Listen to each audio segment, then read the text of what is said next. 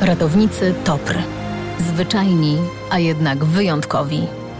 Wejdź do ich świata i posłuchaj o prawdziwej pasji i niesamowitych przeżyciach. Dowiedz się, jak zachować bezpieczeństwo w górach. Na rozmowę zaprasza partner audycji. Marka Skoda. Dzień dobry, Patryk Brzozowski. Witam Was wszystkich w podcaście, który nagrywamy razem z marką Skoda i z Tatrzańskim Ochotniczym Pogotowiem Ratunkowym. Dziś przy jednym stole siedzę z panem Mieczysławem Siachem i z panem Łukaszem Bandrowskim. Dzień dobry, panowie. Dzień dobry. Dzień dobry. Panowie jesteście ratownikami. Spotykamy się w siedzibie TOPR. Chciałem Was zapytać, skąd takie poczucie, albo może wynikające ze statusu również poczucie niezależności w organizacji TOPR, no bo jak wiemy, całe ratownictwo górskie od TOPR-u właśnie się zaczęło. Jak wy to odbieracie dzisiaj? Bo to z historii wybrzmiewa dosyć jasno. Czujecie się powiedzmy takimi prekursorami tego ratownictwa górskiego? Jak, jak to wygląda z waszej perspektywy? Prekursorami na pewno nie, no bo ratownictwo powstało 112 tak, lat temu. Jako organizacja. jako organizacja. Tym, tak.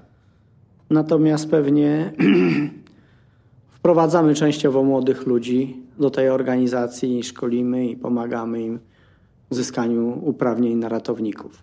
Rozumiem. No właśnie, bo TOPR można powiedzieć, że powstał jako wynik determinacji garstki ludzi, która kiedyś założyła tę organizację. Również wynikało to pewnie z pasji do tego, co robią i z takiego uporu w dążeniu do celu i trwa to właśnie, tak jak pan wspomniał, dwunastą dekadę i chciałem was zapytać przede wszystkim o to, czym dla was dzisiaj, odwołujemy się oczywiście do historii, ale pomińmy to, w takim razie, czym dla was jest przynależność dzisiaj do Topru? To wynikało też z pasji i potrzeby, no bo jednak tak. musimy powiedzieć, że ludzie coraz liczniej odwiedzali Zakopane i Tatry, w związku z tym te wypadki się zdarzały.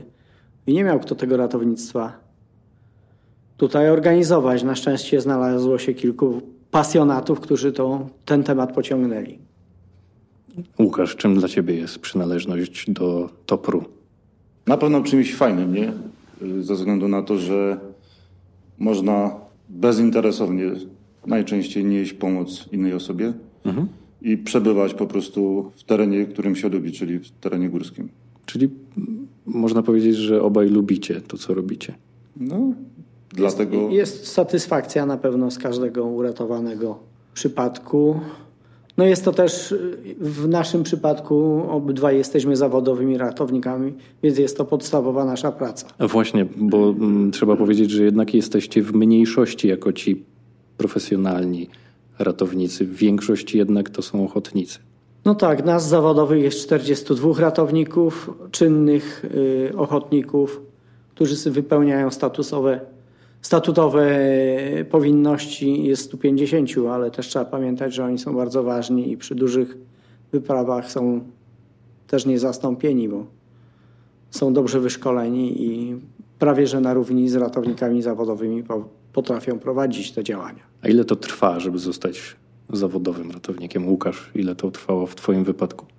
Przed złożeniem y, tak zwanego podania do TOPR-u trzeba mieć y, minimum pięcioletnią taką historię działalności górskiej. Y, później po złożeniu wchodzi się staż taki kandydacki, który trwa od półtorej do trzech lat i po tych trzech latach są liczne egzaminy z, po prostu z tych szkoleń, które się przebyło, no i zostaje się ratownikiem, ochotnikiem. Właśnie, a najpierw zostaje się nim mentalnie czy formalnie? Jak, jak to jest? W jakiej kolejności? To znaczy mentalnie mam, mam no, na myśli to... Bez mentalności nie ma sensu być ratownikiem. No bo, Właśnie o to mi chodziło. No tak. bo trzeba chcieć to robić. Nie każdy dobry alpinista czy turysta może zostać ratownikiem, bo nie będzie miał takiej potrzeby. No. Myśmy chcieli być tymi ratownikami. Mhm. I zostaliśmy nimi. No. Oczywiście wcześniej się wspinając, jeżdżąc na nartach i, i, i lubiąc, lubiąc te góry. Rozumiem. A co różni, jeżeli chodzi o, powiedzieliśmy o tym, ratownika zawodowego i ratownika ochotnika? Jakie są między nimi różnice, chociażby na przykład w uprawnieniach? Y, część uprawnień jest podobna. No jest tutaj tylko stosunek do, do pracy. No w zasadzie tym się różnimy, tylko że mamy tutaj obowiązki jako etatowi pracownicy. Natomiast no, wszyscy musimy wypełniać ten statusowy obowiązek odbywania 120 godzin społecznych. My go również odbywamy, tak jak ochotnicy. A jak wygląda codzienna praca toprowca? To znaczy, jak przychodzicie do pracy, jak wygląda taki przeciętny, standardowy dzień waszej pracy? To chyba z, zależy, jaką się ma funkcję, bo jest tak. funkcja ratownika dyżurnego, kierownika, jest y, kierowca. W okresie zimowym teraz jest y, służba lawinowa, jest ta tak zwana szturmgrupa. No to myślę, że każdy ratownik przychodząc do pracy, mając jakąś funkcję, no to po prostu idzie, żeby zadbać o to, co ma przynależne na swoim dyżurze. A czy jest taka wymienność tych pozycji? My pracujemy w systemie 12-godzinnym przez tydzień. Po tygodniu jest wymiana ekipy, także że oczywiście ta wymiana na stanowiskach jest. Można powiedzieć, że Polacy znają TOPR głównie z takich przekazów medialnych, bo to nie jest tak, że wszyscy znają dokładnie specyfikę waszej pracy. A ja jestem ciekaw też między innymi z tego punktu widzenia, czy da się zostać ratownikiem w krótkim czasie, czy to jest jednak rzecz, do której trzeba się przygotowywać w takim dosyć żmudnym procesie? TOPR to nie jest szkołą górską, czyli tak. trzeba tutaj wejść już Jasne. z jakimś doświadczeniem górskim. Zresztą jest to wymagane przy przyjmowaniu podania. Wywodzicie Musi, się ze środowiska. Ze środowiska górskiego. Musisz mieć ilość wspinanych dróg wspinaczkowych, zimowych i letnich, ilość skiturów. Dopiero potem jesteś, jeśli spełnisz te obowiązki statutowe, możesz, yy, możesz zostać dopuszczony do egzaminów wstępnych. Mhm. Co nie oznacza, że równocześnie zostajesz jeśli je złożysz, że zostaniesz przyjęty do naszej organizacji. Jeśli zdasz te egzaminy wewnętrzne u nas, dostajesz się na kurs kandydacki, który trwa no, dwa lata. Dwa lata. I po tych dwóch latach są kolejne egzaminy już kończące dane szkolenie. Jeśli się je zaliczy, to się jest członkiem rzeczywistym TOPR.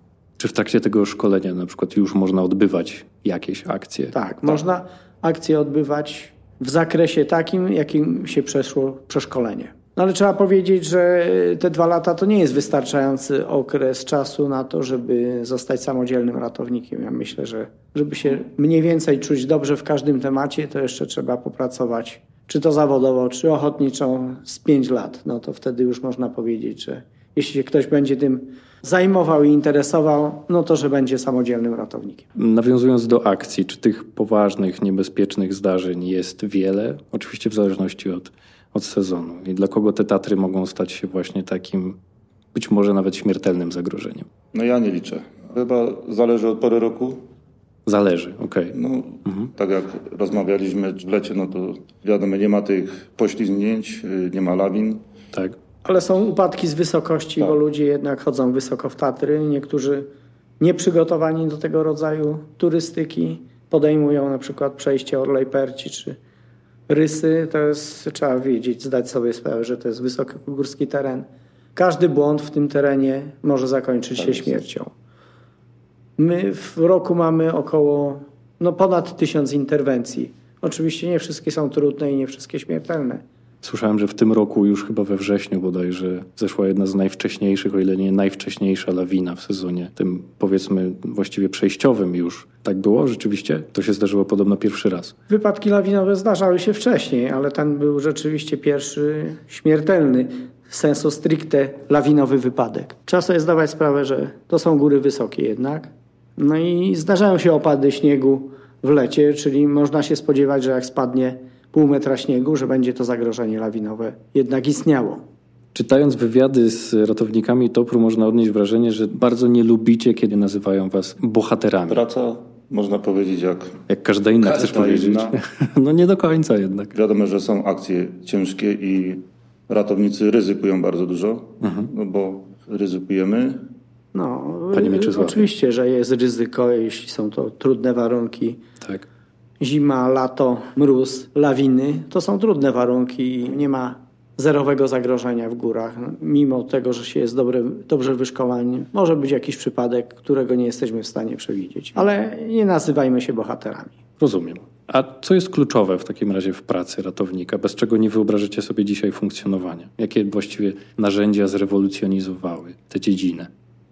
No niewątpliwie przy tej ilości turystów, którzy odwiedzają teraz Tatry, bez helikoptera to ratownictwo byłoby w zasadzie, no nie, nie mówię, że niemożliwe, mhm. ale te przypadki, gdzie ludzie musieliby czekać kilka godzin na nas, to by były bardzo często by się zdarzały. Potrafi w ciągu dnia w sezonie letnim być po 15 różnych interwencji. A jeśli kogoś czas by było znieść na przykład z podwieszałka rysów, to wymaga no to minimum 6-7 godzin pracy i, i bardzo dużo i 15 albo do 20 ratowników. ratowników. Natomiast śmigłowiec tam leci, jeśli są odpowiednie warunki, bo oczywiście nie zawsze są te warunki, żeby śmigłowiec poleciał. I wtedy się działa klasycznie, czyli na piechotę i wynosi cały sprzęt i poszkodowanych znosi. Natomiast w takim terenie, gdzie na te rysy poleci śmigłowiec i za 20 minut, jeśli tam nie ma jakichś skomplikowanych działań medycznych, ten poszkodowany może się znaleźć w szpitalu. Szanse na przeżycie są dużo większe teraz niż kiedyś. Czego jeszcze używacie oprócz śmigłowca?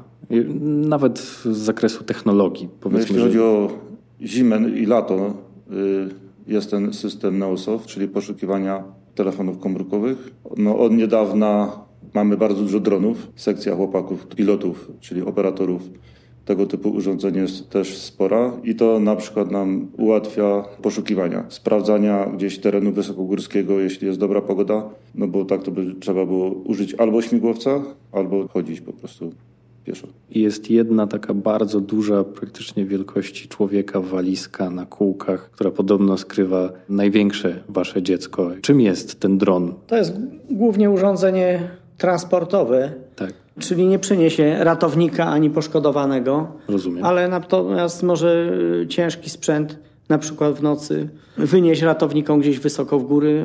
Będą mieli lżejsze plecaki, w związku z tym będą mogli szybciej dotrzeć. To jest, to jest wielkie ułatwienie. Może dostarczyć środki ochrony takiej przed zimnem, tym, tym oczekującym na pomoc, czy jakąś płachtę, czy pakiety grzewcze.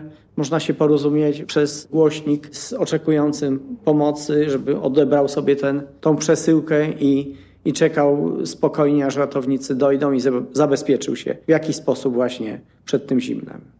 Macie też jeszcze coś innego. Niedawno do waszej floty dołączył, jeżeli chodzi o nowoczesną technologię, to trzeba wspomnieć Skodę Enyaq iV, czyli samochód elektryczny. I czym ten samochód z kolei jest dla waszej floty? Co wam ułatwia? Jakie zadania może wykonuje? Do czego go używacie? No to tego typu samochód elektryczny, którym jest właśnie Skoda Enyaq iV, no ułatwia nam poruszanie się nie tylko w terenie miejskim, no bo wiadomo, nie użyjemy go gdzieś w terenie tam gdzie używamy samochody głównie stricte terenowe. Mhm. No tak, no bo to nie jest samochód gdzieś... stricte terenowy, ale również z napędem na cztery koła. Też używają go ratownicy, którzy wychodzą gdzieś na patrol, tak? tak? Nie uczestniczą w akcji, ale jadą gdzieś tam, tak służba lawinowa może sobie gdzieś podjechać takim samochodem bez problemu i po prostu wyjść w teren na prognozowanie. Czyli pośrednio też chyba wpływacie na to, żeby tego środowiska, żeby tej aury nie pogarszać. No, oczywiście no. Nie, nie, nie emituje spalin, nie emituje hałasu. Hałasu, tak. Ale obaj panowie jesteście kierowcami, jak rozumiem. Tak, tak. Na przykład ty, Łukasz, jako że jesteś chyba taki bardziej zainteresowany też e, ogółem motoryzacji, jesteś w stanie się zrelaksować w takim samochodzie? No jak najbardziej, ze względu na ciszę, tak? Tak. Mhm. Psa też możecie ze sobą włożyć. Jak najbardziej. Właśnie, jesteś opiekunem psa. Pies lawinowy, przeszkolony, pięcioletni. Tak, nie ukrywajmy, jest to pies do pracy. Zostawiając y, psa, jeżeli chodzi o akcje, czy jest w nich bardzo duża doza nieprzewidywalności? Czy akcję da się jeszcze zaplanować przed wyjściem, jakkolwiek? Każda akcja jest planowana, każdy wie, co ma robić, no ale mhm. pewnie, że nieprzewidywalności są duże w tej pracy, bo ludzie też y, nie są w stanie do, dokładnie określić przy poszukiwaniach, gdzie się znajdują. No i to są takie historie, że, że czasami ten człowiek, który się zgubi albo gdzieś uległ wypadkowi, miał jedną drogę, a my możliwości do niego dojścia mamy kilkanaście czy nawet, czy nawet więcej. I to są, to są trudne sprawy. A trudniej ratuje się latem czy zimą? Na pewno bardziej wysiłkowa jest zima, bo jednak ten śnieg utrudnia poruszanie się. Ale, ale lato, też, lato też ma swoje niebezpieczeństwa, typu, typu burze na przykład, które są często też nieprzewidywalne. Czy macie specjalistów od takich letnich i zimowych akcji, czy wszyscy ratownicy są tak samo przeszkoleni? każdym zakresie? Nie no, w tym podstawowym zakresie to wszyscy są mniej więcej równo wyszkoleni. Oczywiście tak. każdy ma jakąś swoją specjalizację i gdzieś się będzie lepiej czuł, ktoś będzie lepiej w jaskiniach się czuł, ktoś lepiej w śmigłowcu, a ktoś inny w ścianie. Tak. Generalnie poziom jest tutaj wysoki tego ratownictwa i nie ma się czego wstydzić, no bo naprawdę działamy profesjonalnie. Jak można poprawić to bezpieczeństwo zimą? Jak, jak można tutaj edukować i turystów, i taterników? No bo jak wiadomo, nie każdy turysta jest taternikiem.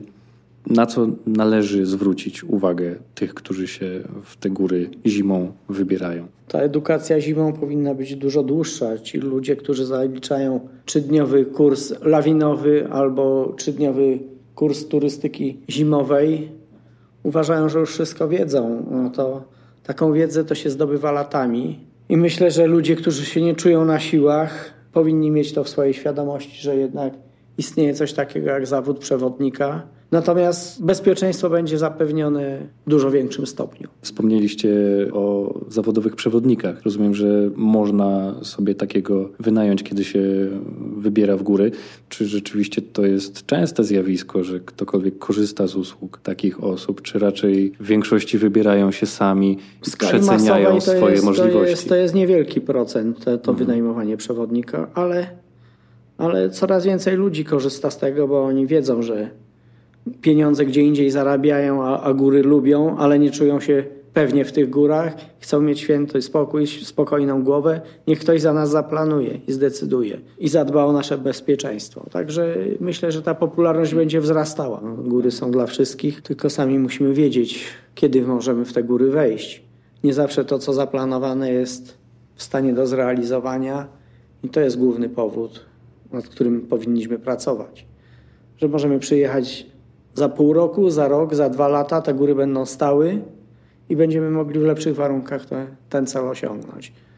Okej, okay, to, to cenne. Rzeczywiście, czyli jak nie dzisiaj, jak sobie postawiłem ten cel, który jest nierealny, to dobrze, żebym go zrealizował wtedy, z, kiedy będzie z, realny. Z różnych względów. Na naszą kondycję, tak. na pogodę, na nasze e, możliwości techniczne. Nie będziemy w stanie zrealizować, ale jak popracujemy nad sobą, to za, za jakiś czas być może, że wejdziemy na ten szczyt. Czy rzeczywiście jest tak, że większość Waszych interwencji, już takich terenowych, poważniejszych, wiąże się z tym, że ludzie źle ocenili swoje możliwości, przecenili swoje możliwości, nie znają swoich możliwości? Czy to mit? Częsty, częsty przypadek, no. że ludzie nie aklimatyzują się, przyjeżdżają tutaj z nizin, nie są przygotowani do takiego wysiłku na na wysokości jakiejś tam powiedzmy żyją na poziomie morza, a nagle się znajdą na dwóch tysiącach metrów, ten organizm będzie od razu inaczej funkcjonował. Także y, no, poświęćmy sobie dwa, trzy dni czasu na tą, na tą złapanie, nawet w Tatrach tej częściowej aklimatyzacji i przyzwyczajenia organizmu do takiego wysiłku, bo on jest zupełnie inny niż na nizinach. Przeczytałem gdzieś w gazecie, że czytam w książce, że można, że najpiękniejsza droga w Polsce to jest Orla Perdzi, oni mają takie marzenia, że będą ją chcieli pokonać, natomiast nie będą sobie zdawać sprawy, że będą mieli lęk przestrzeni. Dopiero w górach się o tym na przykład przekonają. Panowie, tak już na ostatek przywołam jedno zdarzenie. Prawie równo 20 lat temu wydarzyła się jedna z największych tragedii w polskich Tatrach. Dokładnie w styczniu 2003 podczas wyjścia zimowego na Rysy zginęło wtedy ośmiu uczniów z Tyskiego Liceum, o ile dobrze pamiętam. Czy gdyby porównać tamte zdarzenia, te dzisiejsze, tę świadomość, przygotowanie turystów, można powiedzieć, że coś się rzeczywiście poprawiło czy jest lepiej pod tym względem, pod, pod względem tej świadomości? Myślę, że jest lepiej, no bo więcej się o tym mówi. Właśnie te kursy, o których żeśmy wcześniej wspominali, jednak coś tam dają. To nie jest tak, że, że one nic nie dają, ale nie, nie czujmy się zapewnie po pierwszym, po pierwszym takim kontakcie z, yy, na przykład przy szkoleniu lawinowym, czy, czy przy tej turystyce wysokościowej, wysokogórskiej. Na to trzeba poświęcić czasu i i zdobyć tego doświadczenia. Bo kurs to jest nie wszystko, to jest dopiero początek jakiejś drogi. Jakie dzisiaj jest zagrożenie lawinowe? Jaki ten stopień występuje? Dzisiaj mamy drugi stopień zagrożenia lawinowego. Jest no możliwość przejścia na trzeci? No, W momencie, kiedy, kiedy rozmawiamy, to jest połowa grudnia mniej więcej. no oczywiście, oczywiście to wszystko zależy od warunków atmosferycznych, jakie będą panowały. Może za, za dwa dni spaść pół metra śniegu i ten stopień ulegnie niezmianie. Natomiast na razie nie wygląda na to, żeby się jakoś sytuacja poprawiała. Ten śnieg jest niezwiązany, leży na podłożu, które jest dosyć śliskie i, no i stanowi, stanowi takie zagrożenie realne. I skąd można się dowiedzieć tak najszybciej o stopniu zagrożenia lawinowego? Wy wydajecie ten komunikat, gdzie on się pojawia? Między 17 a 18 zawsze na stronie TOPR jest wydawany ten komunikat na następny dzień. To Czyli jest jeśli będziemy, www.top.pl, Tak. jak rozumiem. jeśli będziemy planować sobie jakieś wyjście w góry, no to tam znajdziemy ten komunikat będzie w nim określony stopień zagrożenia lawinowego, jakie są problemy lawinowe, które stoki są bardziej niebezpieczne lub mniej. Tam wszystko jest określone, no ale trzeba go ze zrozumieniem czytać i stosować się do dodatkowych zaleceń, które są tam też wypisane. Również jest na stronie TPN-u, jako że gospodarzem terenu Tatr Polskich jest TPN i tam też jest umieszczony taki właśnie komunikat. Panowie, dziękuję bardzo za rozmowę. Mieczysław Ziach, Łukasz Bandrowski. To był podcast zrealizowany z marką Skoda i z Tatrzańskim Ochotniczym Pogotowiem Ratunkowym. Bardzo dziękuję. Patryk Brzezowski i do usłyszenia. Dziękujemy, Dziękujemy. Ży- życzymy bezpiecznych powrotów z gór. Dzięki.